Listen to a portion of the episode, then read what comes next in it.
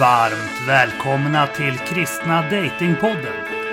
En livsstilspodd om kärlek, relationer och sexualitet.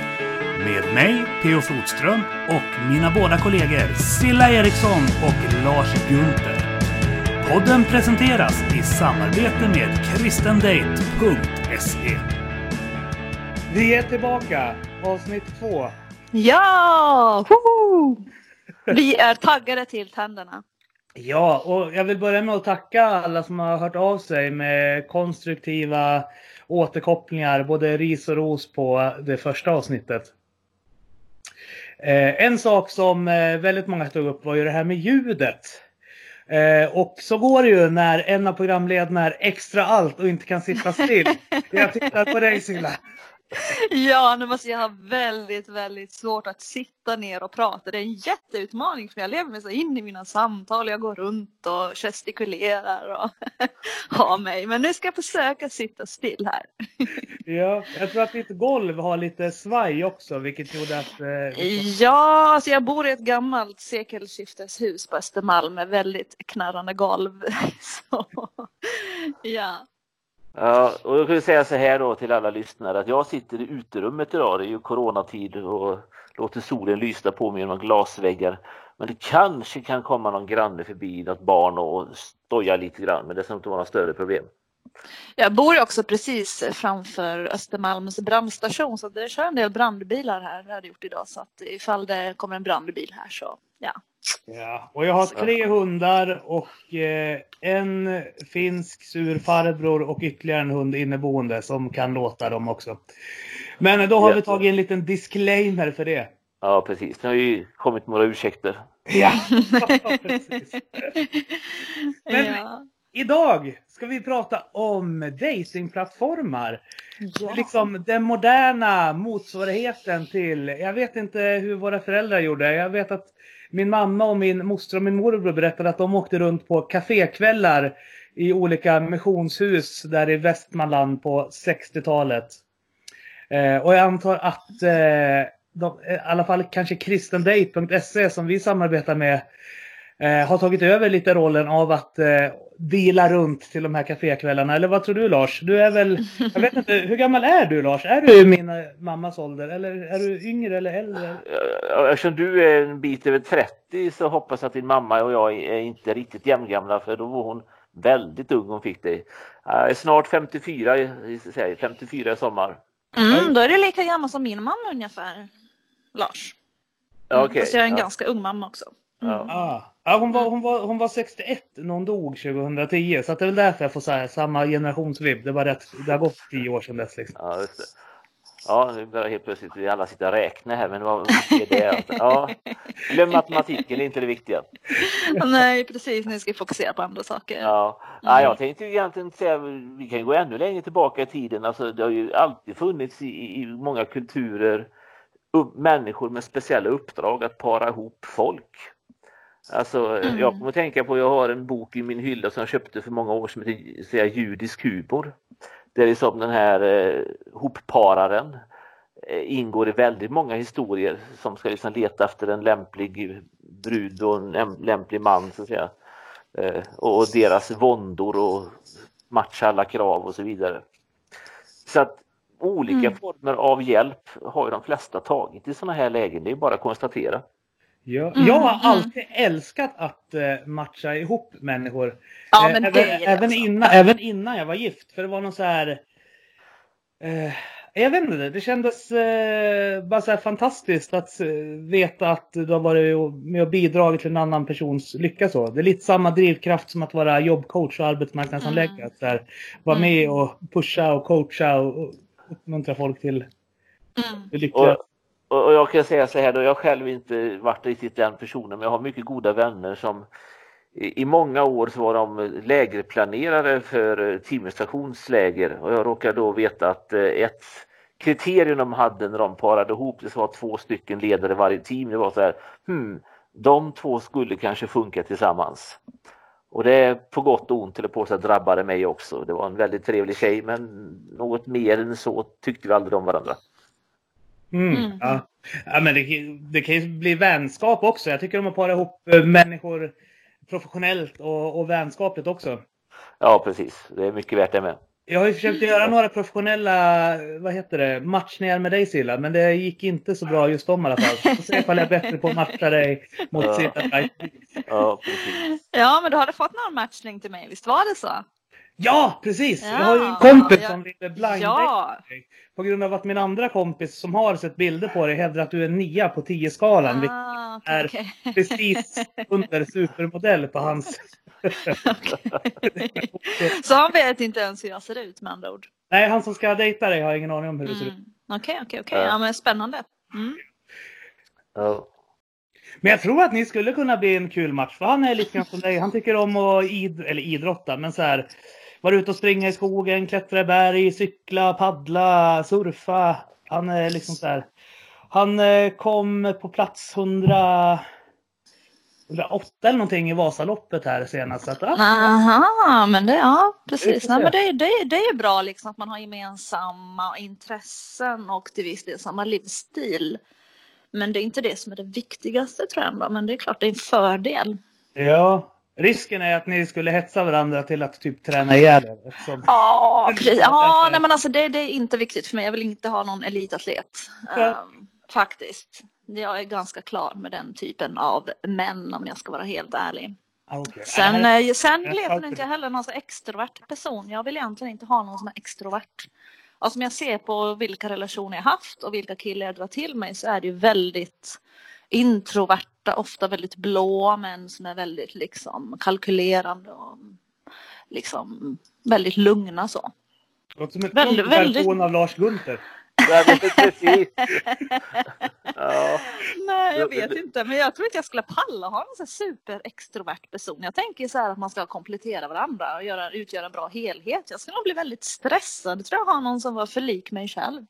Ja, jag tror att det är den klassiska frågan. Alltså, ska man ha en, en, eh, ett komplement till sig själv att vara eller ska man ha någon som eh, ja, två lugna personer som bara blir lugna och lugna och dricker te i all oändlighet. Mm, nej, men det är Eller- frågan. Jag har ju också börjat tänkt så nej, men det kanske är lika barn leka bäst principen som man ska försöka att det utifrån det att man ska ha någon som är lik sig själv. Jag har ju alltid tänkt att man ska träffa någon, alltså den andra, den andra pusselbiten, att man ska vara olika och utgöra en bra helhet. Eh, för att det ska funka. Men det kanske inte är så man ska tänka. Man kanske ska tänka egentligen mer att man ska ha någon som är som sig själv. För jag menar, jag har ju testat det här med de här blåa ekonomerna i blå skjorta som sitter och gör stapeldiagram över hela livet och det har ju inte gått så jättebra. Om jag nu ska vara helt ärlig. Nej, Och ska jag gå till mig själv, alltså mitt äktenskap fungerade ju kanon så länge vi båda liksom brann för församlingen och missionen och hade samma intressen och drivkrafter så. Eh, knakigheten kom ju där när den ena parten ville dra sig undan från församlingen för då vart det att vi levde parallella liv lite grann så. Mm. Så- Så jag tror att det är bra ifall man har samma intressen i alla fall och samma drömmar och passioner i livet. Så. Sen på Mm. personlighetsnivån, alltså hur man är i hemmet, då, kanske, då är det nog kanske bra ifall man kompletterar varandra. Eh, men jag tror att det måste finnas någon form av så här common ground så att man liksom kan växa ihop och inte växer isär. Ja, men det tror jag också. En gemensam värdegrund är ju viktigt och till viss del tror jag ändå samma livsstil. Jag menar, om jag vill flytta till Antarktis och starta en forskningsstation och någon vill åka som missionär till Afrika. Jag menar, det blir lite svårt så.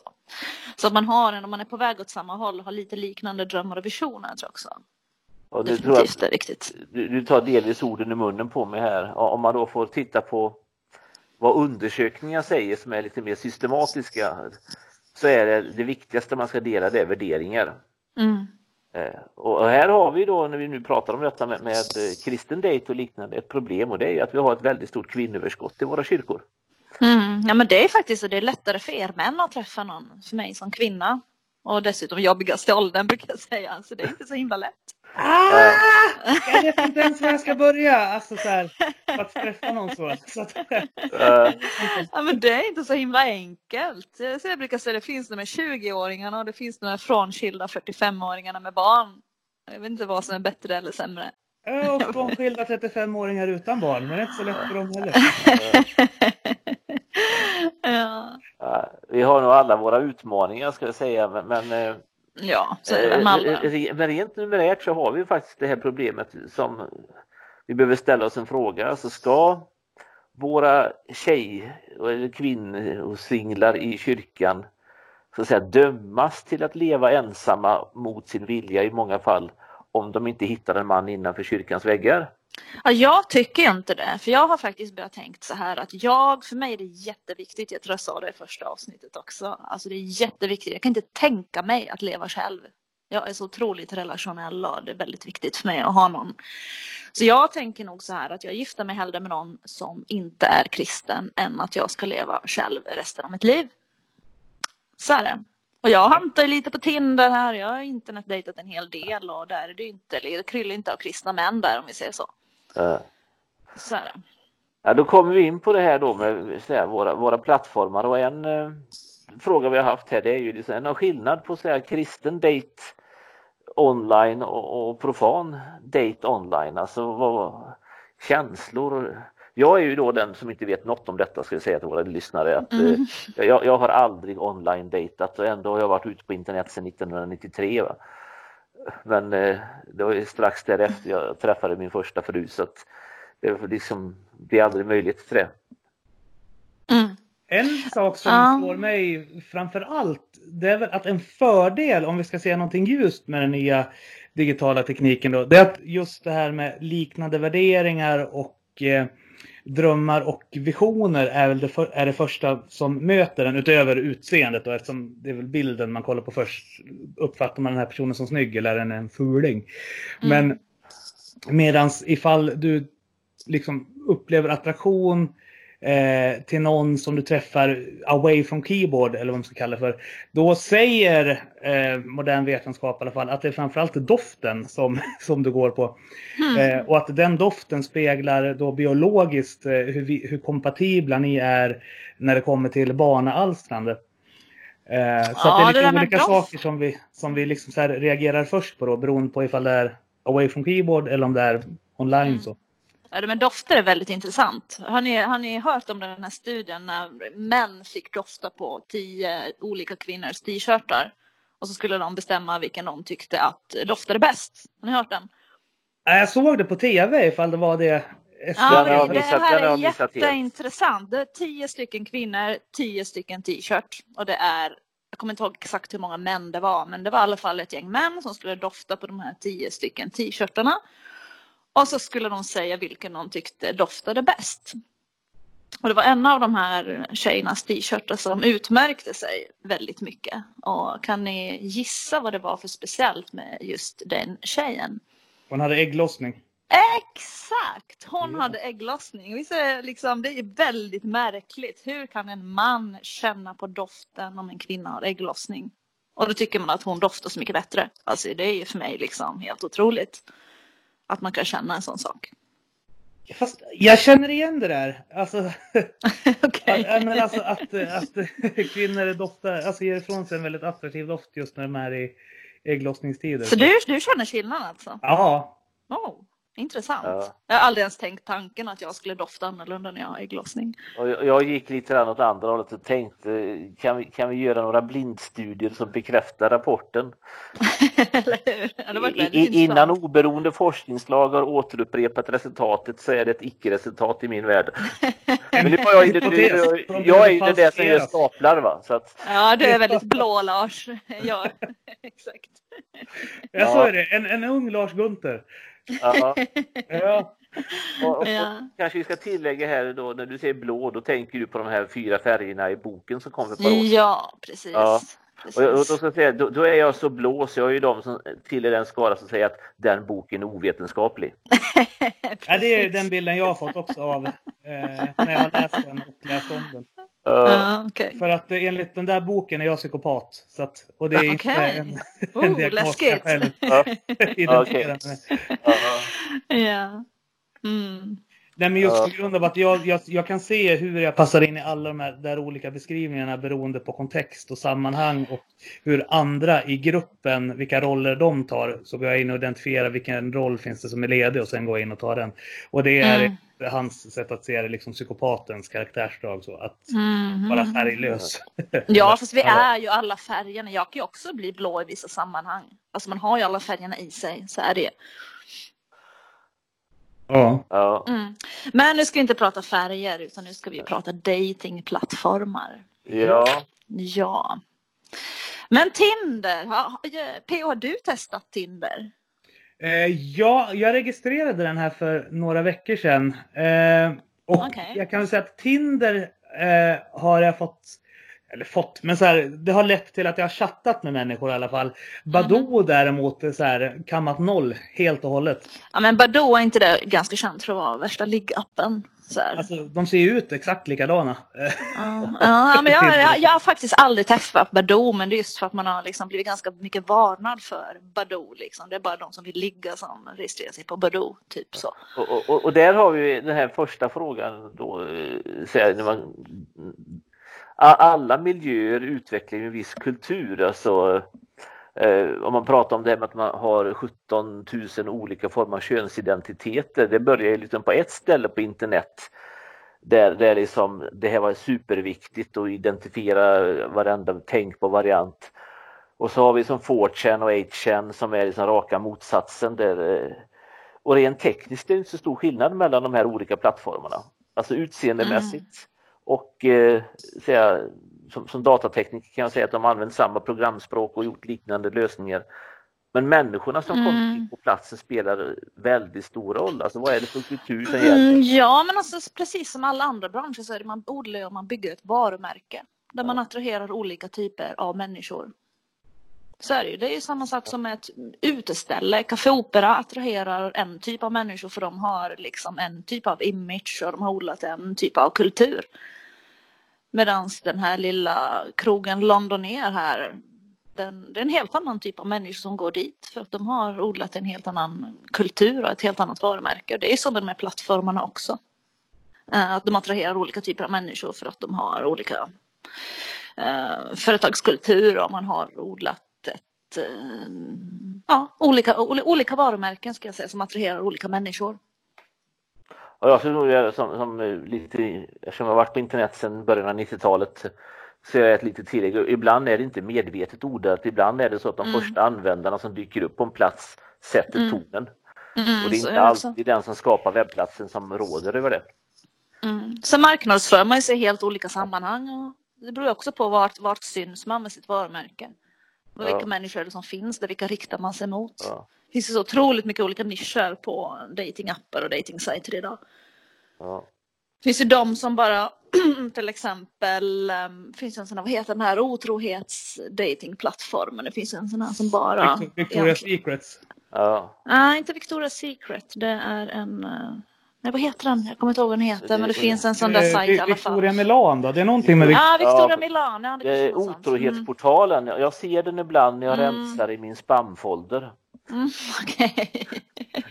Då, då, då kan det ligga reklam för den där bland alla nätkasinon och Viagra Ah, och. Nigeria-brev och, och, och det är det ett ganska ju- lämpligt sam, så här, sammanhang för den att finnas i, om man får uttrycka så. Ja, Ja, Men jag, har, jag har läst lite på Flashback om de här olika datingplattformarna.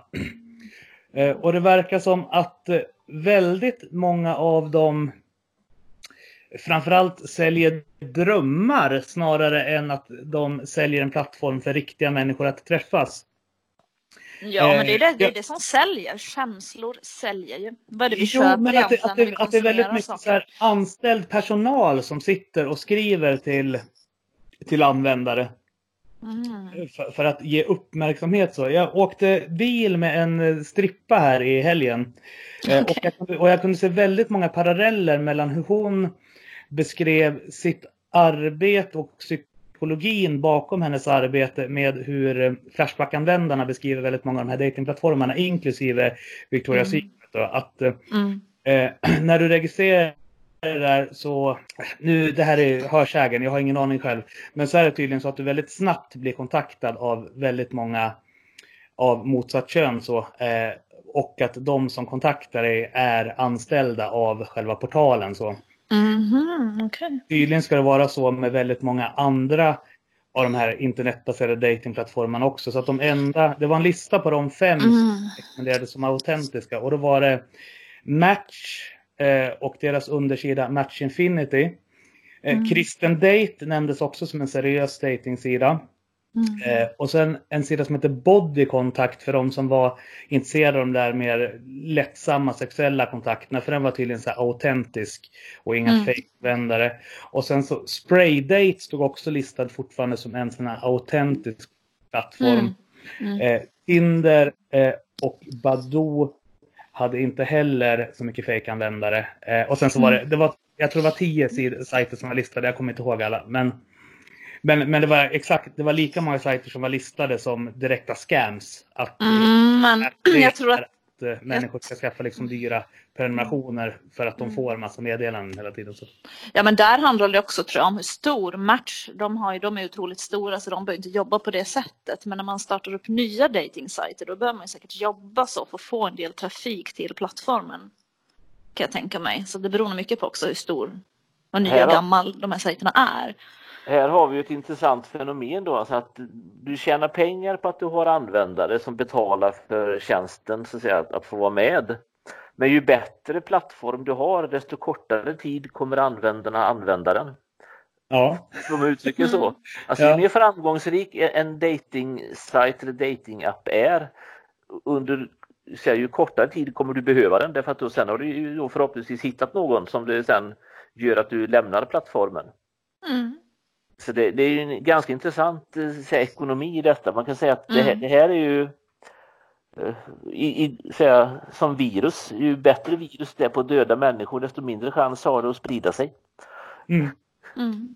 Så att, eh, Men, men generellt så tror jag att ett tips eh, vi kan ge till framförallt äldre lyssnare om vi har sådana är att eh, datingplattformar ni bör undvika det är de där ni efter det att ni blivit registrerade direkt får en massa meddelanden av personer av det motsatta könet som alldeles för eh, unga och snygga för att höra av sig till er. Så. Då, då, då bör varnings eh, liksom signalerna börjar ljuda. Och det är lite samma sak, jag har märkt många, Ja, många pastorer och liksom så profi, kristna profiler har fullt med fejkanvändare för att de här personerna är lite äldre så de har ingen urskiljning. Så de har liksom så här hundra profiler som är liksom Östens blixtprofiler och sen en massa lättklädda eh, andra fake-profiler. Så. Och det är väl ungefär samma sak eh, på de här olika datingplattformarna som Facebook. Liksom att om det inte verkar vara en riktig människa så är det troligtvis inte det. Och har Mm, ett mm. svenskt namn med ett utländskt utseende och Mm, lite precis. för färgglada bilder så eh, nej, låt det vara. Ja. Eller gå Ja. i internet, vett och etikett hos IT-pastorn. Ja. Ja, då kan, man, då kan man i alla fall dra slutsatsen att kristen dejt är rätt seriös. För jag, jag registrerade mig där igår faktiskt. Och kontentan är ju att medelåldern som hör av sig till mig där är ju typ 40-45. Så. ja. Ja, de gillar Ja. lammkött. jag gillar också lammkött. Ja. Då blir det ett problem. Ja. Eh, Det är svårt att veta liksom hur, vad medelåldern är bland användarna för oss som inte har tillgång till databasen. Sa programmeraren i mig då, så det kanske helt enkelt är så att det finns en viss överrepresentation av användare i den åldern. Eh, Ja, men kristen dejt är ju äldre. Det känns Ja. ju verkligen så. Det känns som att medelåldern den kanske är 45 skulle jag gissa på. Ja. Något sånt. Jaha, Och det- jag det- tycker, det- jag tycker det- det är väldigt många där det saknas tycker jag, det är liksom mellan åldern 30 och 40. Medan det är väldigt Mm, hög andel 20 upp till 30. Och sen så är det tomt där på mitten och sen så börjar det komma igen 40 uppåt. Så. Ja, men det är det jag säger. Det är mellan 30 och 40. Det är en knepig ålder. Det är det. Det finns inte så mycket på marknaden i den åldern. Mm. Men samtidigt, det- det bör man också nämna då angående kristendate.se att eh, ni, om, när ni registrerat en användare där så kommer ni att få mail från personer som skriver att ni har en intressant profil eh, och de vill gärna ha kontakt med er eh, via mail. Eh, det är fejkanvändare. Jag tror att jag har anmält 20 sådana bara under de fyra månader jag har varit medlem där. Oj, något sånt har inte jag fått än, men jag har i och för sig varit där dygn. Nej men det är så här eh, bilder på eh, ryska snygga kvinnor så att de pinpointar Mm. inte dig. Så. Okej, jag förstår. Så alla, alla sådana här platser är ju naturligtvis eh, tacksamma för den här sortens geschäft. Alltså när man eh, tror sig ha fått kontakt med en vacker ukrainsk eller rysk eller någon annan österländsk. Eh, säga, det är ofta från de länderna i östra Europa som det, det handlar om. Eh, som eh, man då tror att oj den här personen är intresserad av mig och så förr eller senare så kommer liksom ett brev att men innan vi kan träffas så måste jag ha pengar för att ta hand om min sjuka mamma. Eh, men, men får jag bara henne opererad sen kan vi mötas. Alltså, det blir liksom ofta den sortens eh, utnyttjande det handlar om i slutändan. Och, Ja. Eller min kompis, det var en rysk kvinna. Eh, hon ville ha pengar till flygbiljetten men då startade ju hans varningsklockor. Så, så Mm. av det. ja. Men om man nu ska internetdejta då köra appar eller kristen dejt eller vad man nu väljer att köra på. Vad tycker ni är eh, viktigt att tänka på? Om man kanske, kanske någon som lyssnar som aldrig har testat att internetdejta. Vad är våra råd till en sån person? Alltså jag är, jag är ju en av dem som aldrig har internetdejtat så. så att Mm. jag, Ja. precis som Lars, kan ju bara komma med allmänna mm, tjejgissningar. Så. Ja. Nej men det är precis det, det är du som är experten av oss här Silla. Det, är- det är liksom, du får ställa frågan till dig själv. Mm, Ja, men precis. Ja, Ja, nej, men alltså jag, jag tänker så här. Eh, det blir otroligt viktigt med vad man, vilken bild man väljer. Bilder är jätteviktigt, det är det första folk ser. Um, och framförallt också att man har en bra text, en bra beskrivande text om sig själv.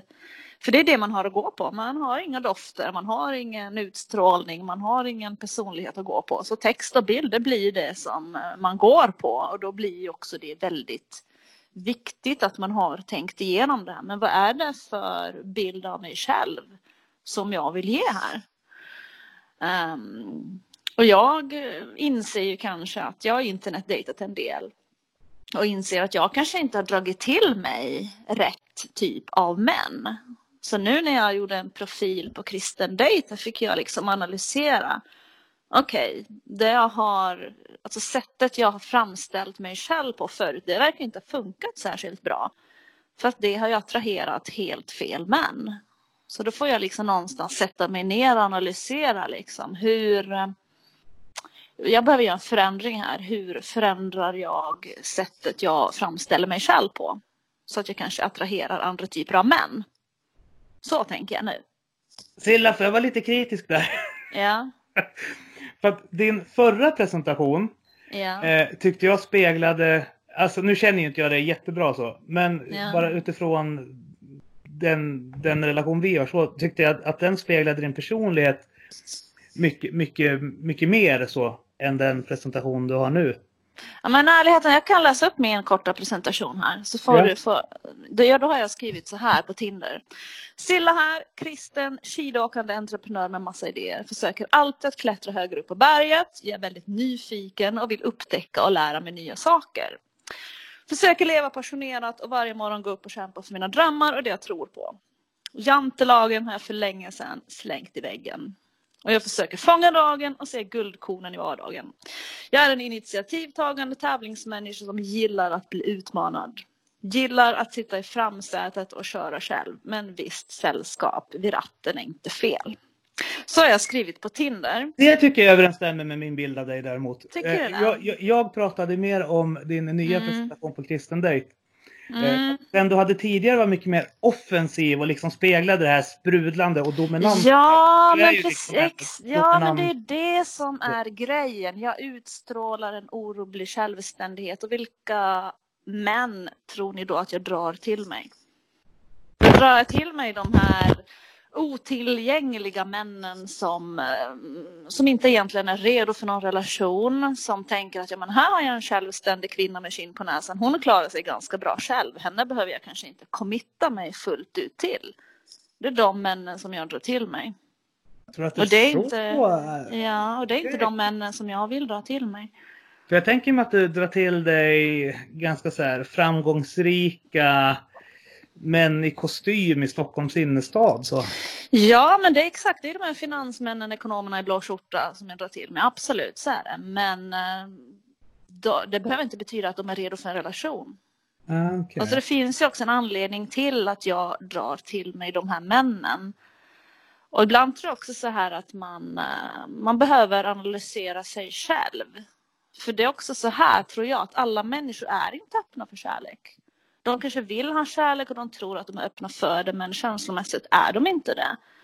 Det kanske finns sår, det finns mentala blockeringar som man bör jobba med för att kunna öppna upp. Uh, och jag tror också så här att många av oss har en dysfunktionell relation kanske till oss själv. Vi kanske behöver jobba på att älska oss själv och få en självbild som kanske går i linje med Guds bild av oss. Uh, jag tror att väldigt mycket börja med kärleken till sig själv. Att fullt ut älska mig själv, kärlek attraherar kärlek. Om jag är uppfylld till kärlek uh, till mig själv och till Gud och till mina medmänniskor och till livet så tenderar vi också att dra till oss relationer som är kärleksfulla. Och vi får nödvändigtvis inte alltid det vi vill ha utan det som vi faktiskt ger ifrån oss. Det vi utstrålar så drar vi också till oss. Eh, och då är ju frågan vad är det jag ger ifrån mig? Jag kanske behöver förändra någonting hos mig själv. Så jag tror också att en viktig fråga att ställa sig själv är vem behöver jag bli för att kunna attrahera personen jag vill ha? Mm, mm, mm. Så tror jag att man behöver i många fall tänka och jag har insett det faktiskt att jag behöver tänka lite så det finns en anledning till att jag träffar män som är otillgängliga och inte redo för en relation. Och då behöver jag liksom undersöka, men vad är det egentligen då som gör att jag drar till mig de här otrygga männen som inte är redo för en relation? Jag tror att det är väldigt lätt liksom när man dejtar och tänka så här att nej men eh, det är ju männen det är fel på. Det finns inga vettiga män och det är liksom ingen är redo för relationer. Det är bara brustna människor. Jag har liksom fastnat lite i det här. Men alltså det finns också en anledning till att jag drar till mig de här människorna. Jag kanske behöver jobba med mig själv. Eh, för det finns en anledning. Um, och vill jag, dra till, vill jag dra till med något annat, då kanske jag behöver förändra vad jag själv ger ifrån mig.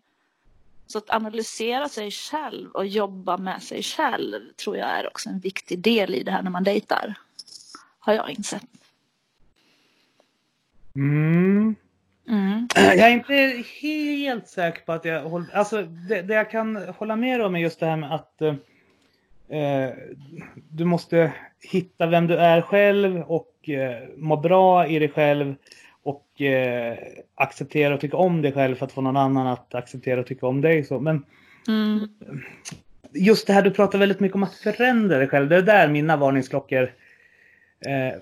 Alltså man ska ju vara sig själv, men jag tror också att man eh, Ibland är det liksom underliggande saker som man behöver jobba med. Jag, vet inte, jag har läst på ganska mycket om anknytnings, anknytningsteorien. Jag vet inte om ni är insatt ni i dem. Vilken anknytning man har. Nej, berätta. Jag vet, inte. jag vet inte, har ni alls koll på dem? Nej. Jag har lite Ja, men- koll men nu, Ja, men då, då kan jag ta dem det, lite det är nog kort. rätt bra för våra lyssnare också. Nej, men då tar jag lite kort. Anknytningsteori, alltså det handlar väldigt mycket om att knyta an till sina föräldrar. Det speglar också väldigt mycket hur jag knyter an till människor i vuxen ålder. Eh, och min anknytning har en väldigt stark påverkan på mina kärleksrelationer också. Ehm, och där finns det egentligen tre stycken anknytningar som man pratar om. För det första så kan man ha en trygg anknytning, vilket då innebär att man ofta man är bekväm med intimitet, man är varm och kärleksfull, man har en tro på att kärleksfulla och trygga relationer är möjliga. Ehm, man är inte särskilt rädd för att bli övergiven. Ehm, relationer är något som associeras med trygghet och närhet. Och man har ofta en positiv syn liksom, på relationer och sig själv och så.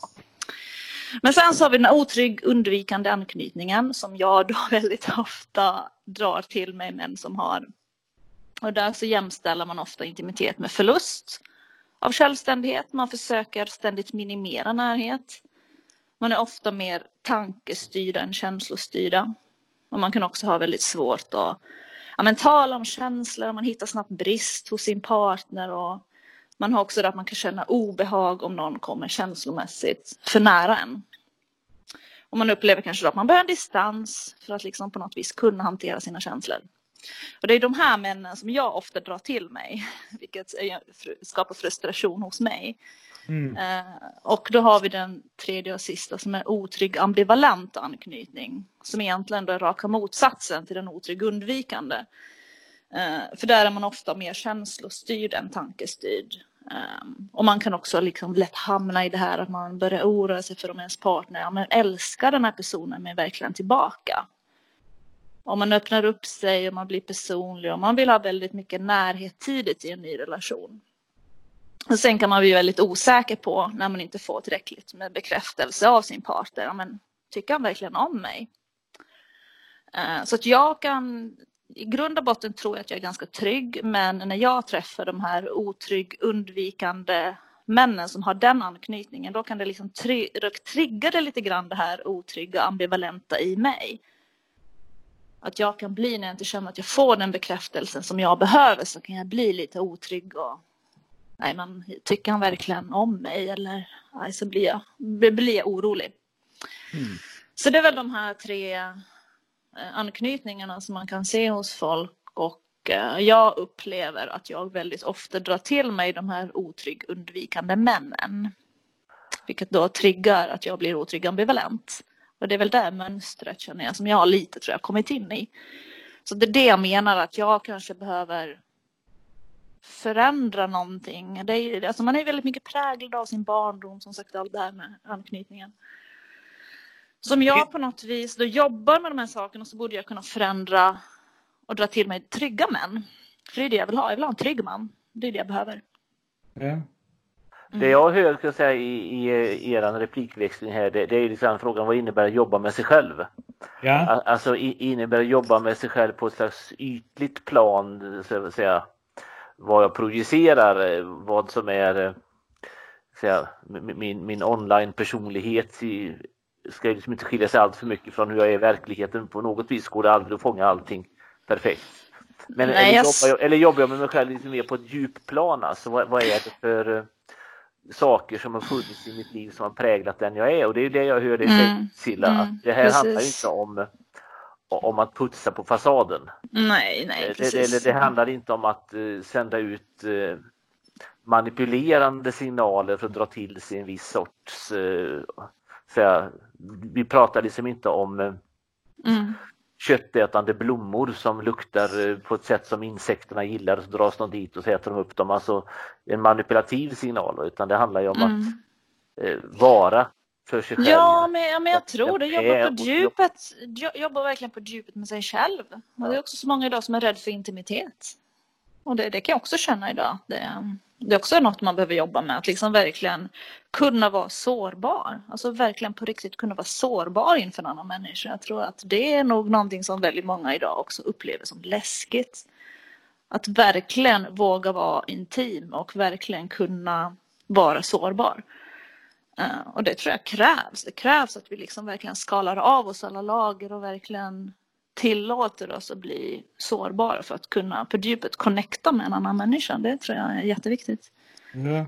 Fast jag tänker mig att det kommer sen när man lär känna varandra i verkliga livet så. Alltså när man eh, liksom under den här vänskapsperioden som finns under datingperioden innan man liksom går över till en romantisk relation. Så Ja, fast jag tror fortfarande att våga visa sårbarhet, att vi blir intima när vi vågar visa våra känslor och våra behov och vår sårbarhet. Det tror jag kommer in jättetidigt. Um, för det är det som också som gör alltså, vad vi attraherar för typ av människor. Okej. Okay. För att de gångerna jag varit framgångsrik, nu har inte jag dejtat primärt frikyrkotjejer utan liksom mm. Vänsterfeministtjejer så att det behöver inte vara... det behöver inte vara... men, men, min erfarenhet så av vad som funkar där, det är att så här, vara rolig, underhållande och socialt dominant i rummet. Alltså vara mm. den som till sig uppmärksamheten och underhåller eh, liksom publiken så att säga. Mm. Eh, att, att det är den, den som funkar. Medan den här eh, mer självutlämnande, sårbara mm. Eh, aspekten den gör ganska snabbt att man blir friendzonad. Liksom. Mm. Att, att, det är ganska oattraktivt. Men som sagt, vi har rört oss i olika miljöer. Så att... mm, mm.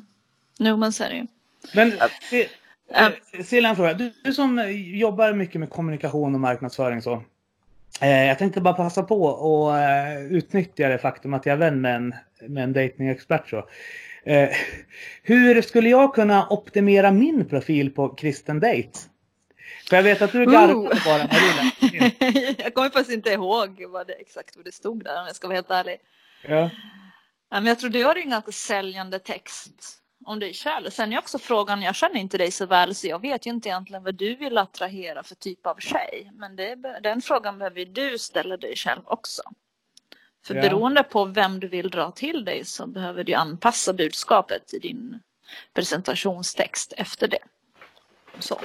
Och nu har jag förändrat jättemycket min text. Jag har gått från den här coola skidåkande entreprenören till att jag har skrivit att jag är en osjälvständig tjej som behöver en vit, eh, som behöver en riddare på vit häst som rider in i mitt liv och tar hand om mig.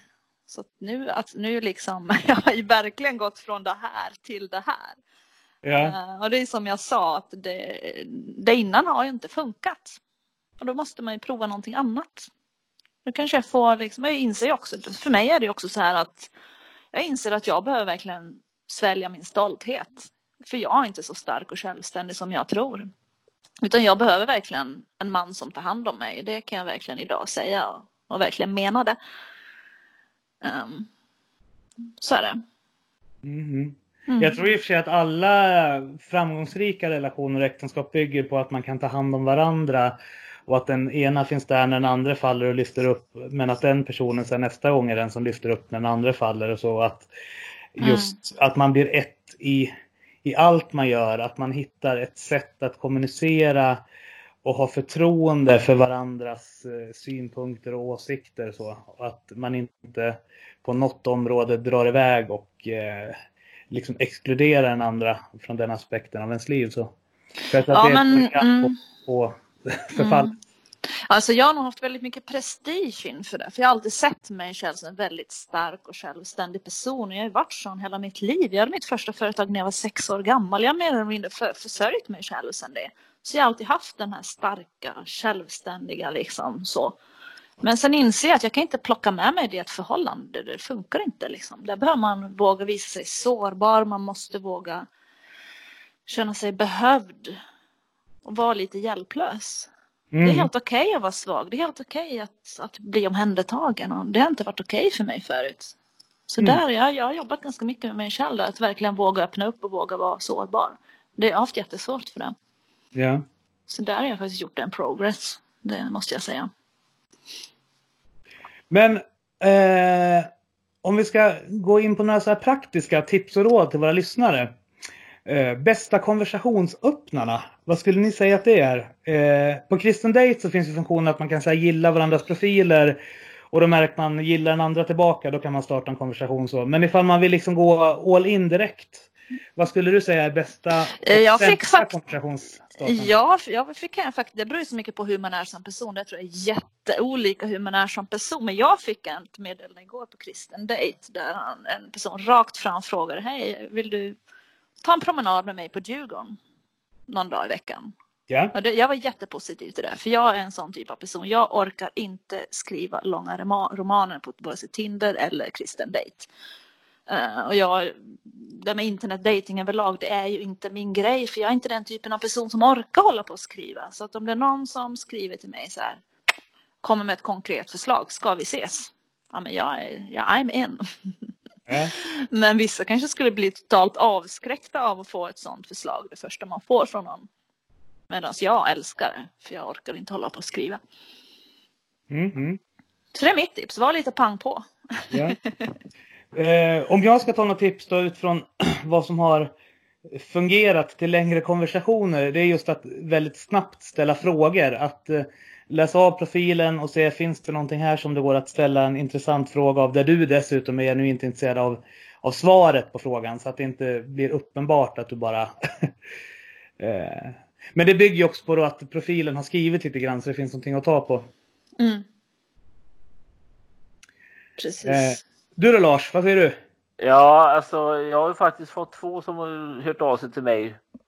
Eh, men det som kanske skulle kunna vara en intention att utveckla en relation och då har de inte riktigt läst min profil då för jag skriver ju längst ner att jag inte är här för att jag söker någon. Tvärtom, jag eh, är här på grund av podden och jag är lyckligt gift.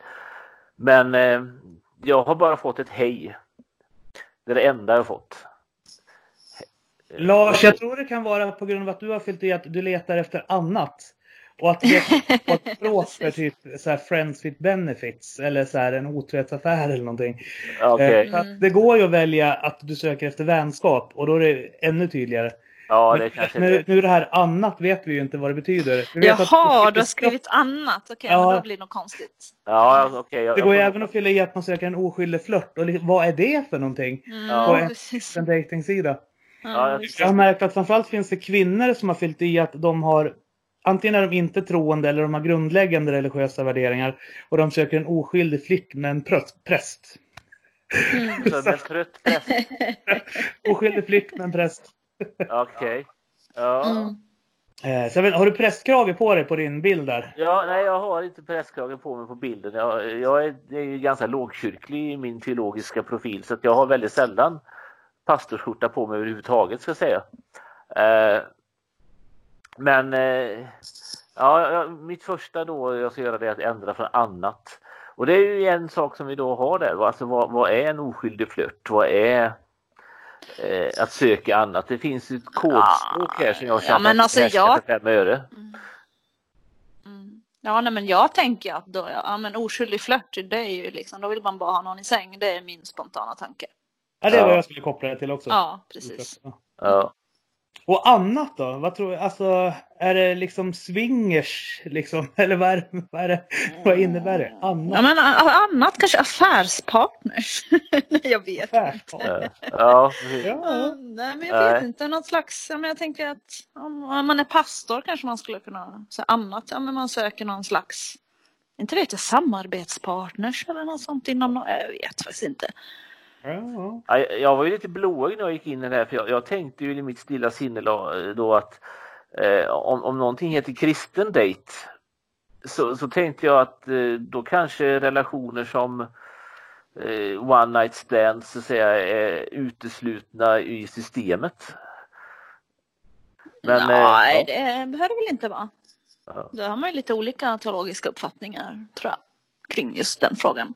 Och sen även ifall du har teolo en teologisk uppfattning och finns i ett mer karismatiskt traditionellt sammanhang så eh, är det tyvärr oftast skillnad på eh, vad munnen förkunnar och hur det sen kanske ser ut eh, mm.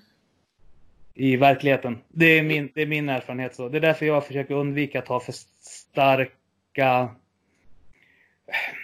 alltså gå ut för hårt eftersom jag tycker det är viktigare att människor vågar öppna sig och prata med mig om det de brottas med än att jag går ut och tar för, för kategoriska ståndpunkter så, i olika frågor. Mm, mm. För annars mm. kan det bli en för stor genansfaktor och skamfaktor kopplat till eh, mm.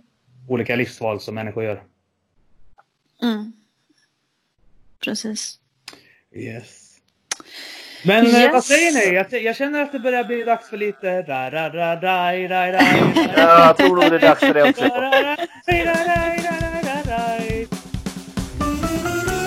Vad ska jag ha på mig?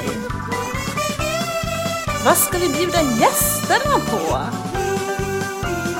Vart ska vi vara? Men åh, vem ska jag gifta mig med? Ska Silla klara utmaningen att både möta sin drömkille och hinna föra honom till altaret innan året är slut.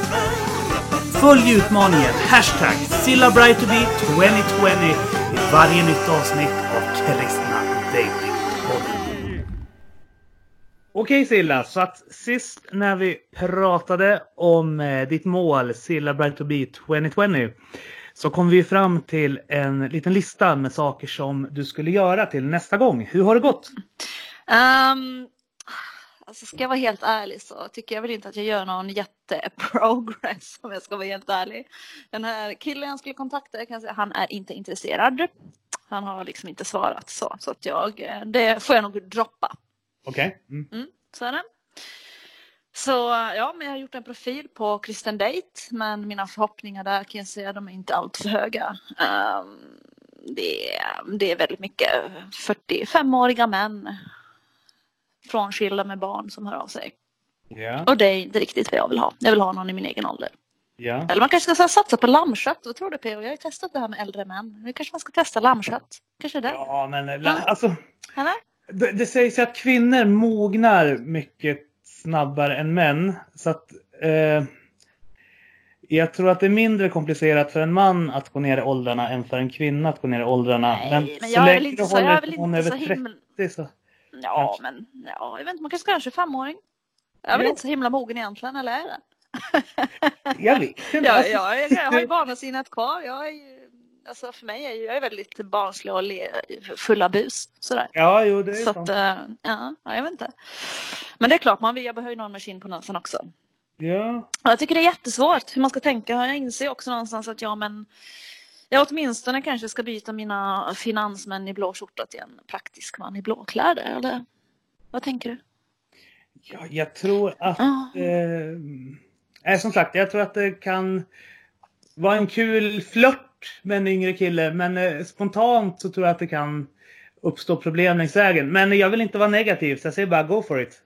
Ja, men jag tror jag behöver någon eh, PO som är lite mer praktisk. Jag känner så här att du vet, jag har stopp i mitt avlopp. Min lampa i mitt kylskåp har dött. Jag har mina så här, jag har så här, elektriska rullgardiner har gått sönder. Jag har massa problem här i min lägenhet. Jag skulle uppskatta jättemycket om jag hade- kunde ha en man som var lite händig sådär och kunde komma hit och fixa lite. Ja, jo.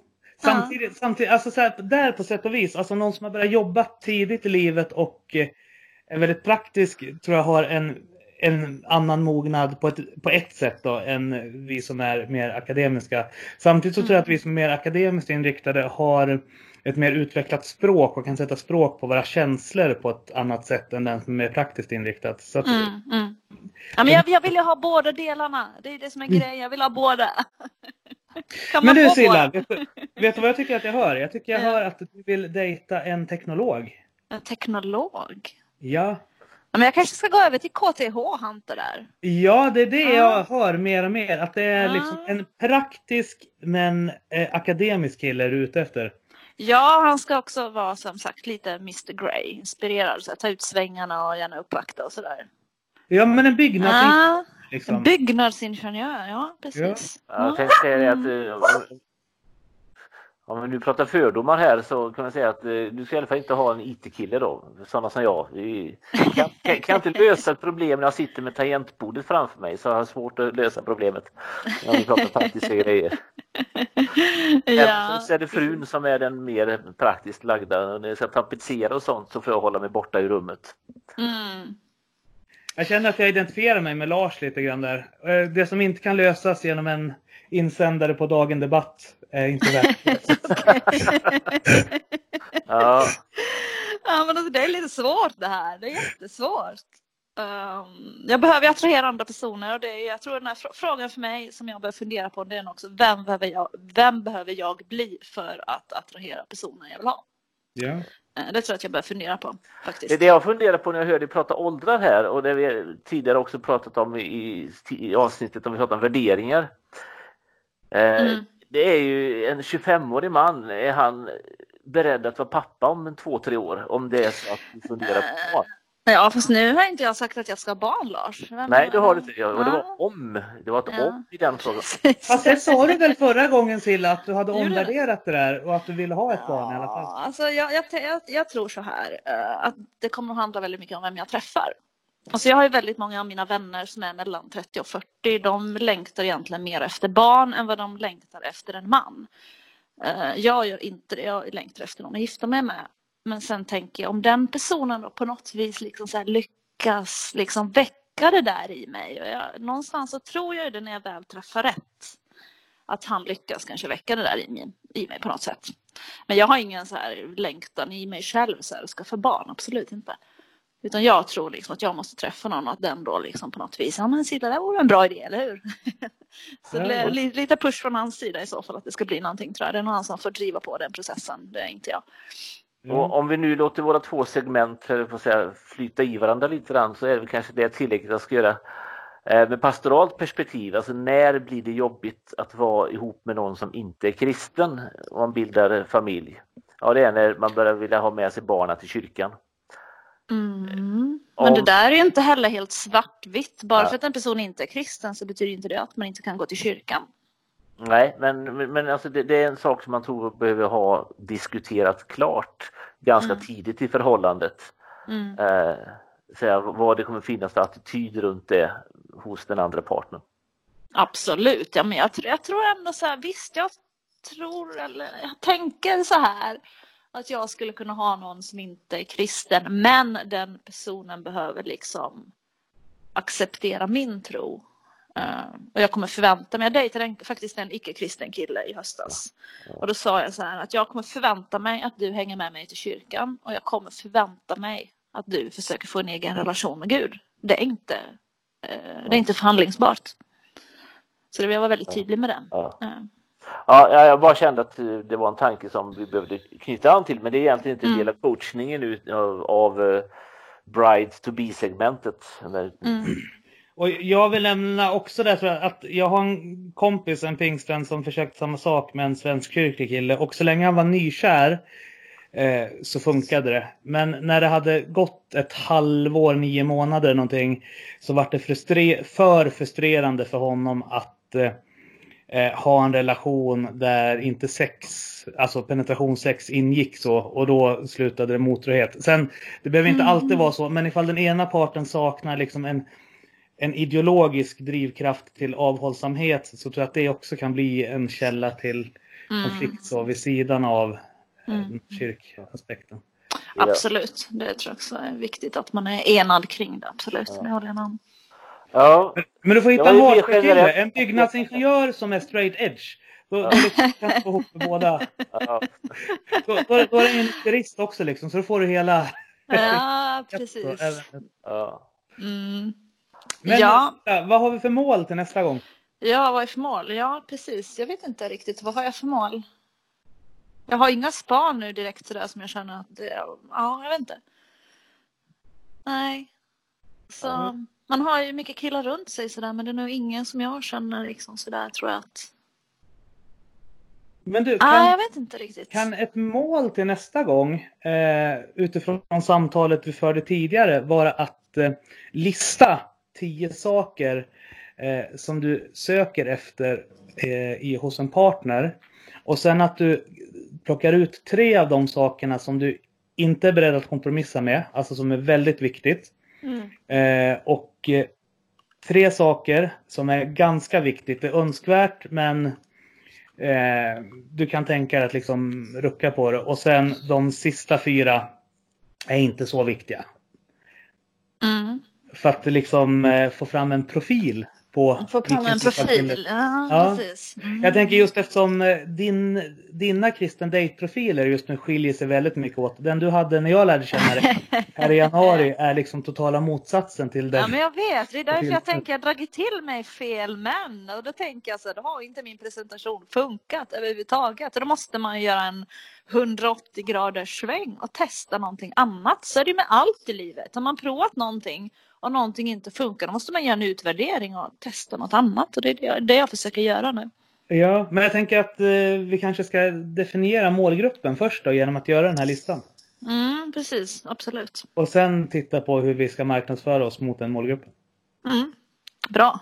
Ja, Låter det som ett rimligt mål till nästa år? Ja, nu låter det som en riktig entreprenör, PO. Det låter jättebra. Grymt! Då Ja. kör vi på det! Jajamän.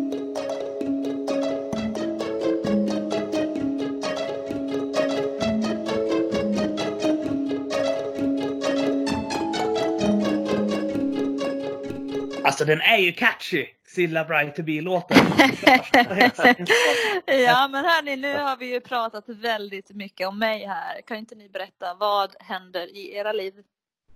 Eh, ja, eh, jag har kommit ur min tre veckors depression som jag fick där strax strax innan påsk i alla fall, där allt bara var mörkt och jag var nära att börja gråta hela tiden. Jag började sett, jag har kommit in liksom i en mer naturlig eh, bearbetningsprocess igen. Och sen så var jag på ett eh, fantastiskt, eh, eller jo, bröllop och bröllopsfest i helgen. Jag fick förrätta en vigsel mellan Mattias eh, Risberg, en eh, profil i största allmänhet, delvis inom frikyrkan. Och det som var så fantastiskt med hans bröllop är att det var bland gästerna så var det liksom en blandning mellan evangelister ur trosrörelsen, eh, ungdomspastorer från pingst och ekumenia som liksom kom samman med porrskådisar, strippor, tantraterapeuter och eh, Sverigedemokratiska partisekreterare. Eh, alltså så här, det var receptet egentligen för kaos och dålig stämning. Men det var bara så fantastiskt härlig stämning under hela helgen. Framförallt kring andakter och gudstjänster och eh, när vi bad tillsammans liksom, så kom alla samman och liksom visade samma engagemang och förbensglädje. Och, eh, mm. Alla liksom accepterade varandra och mötte varandra där de var utan liksom så här snea blickar och så där. Så det var, det var en fantastisk helg. Ja, det låter som ett bröllop man blir lite sugen på faktiskt att vara med om jag, ja, jag, tog, jag, tog med, jag tog med det av gästerna hem till Bålänge. Eh, så att ifall du vill liksom få det här i miniatyr så kommer vi ha spaparty här i helgen med okay. några av de starka inslag. Ja. Du då Lars, vad händer i ditt liv? Ja, det är lite mer stillsamt just nu kan vi säga. Jag har varit sjuk ett par veckor innan vi började med de här inspelningarna men är frisk nu.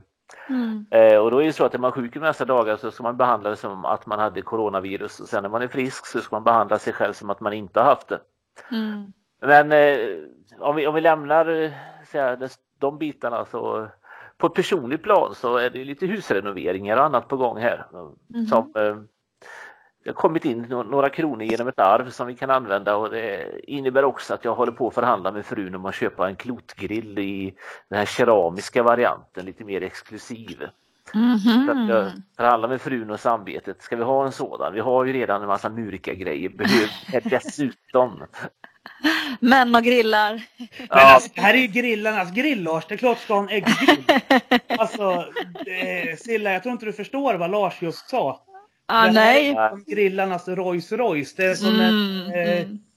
Ja, Lars, eh, ja. det här, jag måste komma och hälsa på dig när du har köpt den här grillen. Ja, nej, men det, det, det är ju sån här dessutom då så att man kan liksom lägga in köttet dagen innan och så grillar det med väldigt kontrollerad temperatur under ja, hela natten. Jag vet, jag vet. Den, den, den, den, enda fördelen med att uh, bo med Tommy istället för med Annie är att uh, han förstår sånt här. Så ifall jag säger Tommy, jag funderar på att köpa en sån här äggrill, då bara säger han Åh fan, vilken bra idé! Och sen så åker vi och köper den utan att det liksom är ett uh, ja. Okej, okay. ja men lycka till med grillen, det blir säkert jättebra. Ja. Jag lovar att skicka bilder Lars. Jag, jag vill liksom ja. uppleva det här tillsammans med dig på distans. Ja, jag lovar. När, när, Film, filma, om, kör en skypning med mig när du liksom inviger ja, den. jag skulle erbjuda Silla att vara med ifall jag trodde ja. att hon skulle uppskatta det. Men... Nej, sorry. Ja. Japp. Ja, så är det. Ja. ja. Men vi får tacka kanske. för att ni har varit med oss eh, ännu en gång. Ja, eh, och, stort eh, tack allihopa. Ja, och eh, nästa gång, vad ska vi prata om då? Då ska vi prata om... Ja, just det. Nästa gång ska vi försöka få med lite gäster i programmet. Ja, så att vi får väl återkomma med vad det blir. Vi har fått önskemål på Facebook om att eh, Silla ska berätta lite skvaller kring sin medverkan i Tro, hopp och kärlek. Eh, så att vi kanske kan försöka få med några fler av de som har varit med i det programmet. Det programmet. Mm, ja. Absolut. Mm. Det är mycket spännande som väntar i alla fall. Mm. Men äh, återigen, stort tack för att ni har varit med det här avsnittet och ha en fantastisk vecka, Silla och Lars. Detsamma. Yes, ha det jättebra. Lycka till alla som dejtar. Ja. E, exo, exo som kidsen säger, vilket betyder puss och kram. Precis, puss och kram.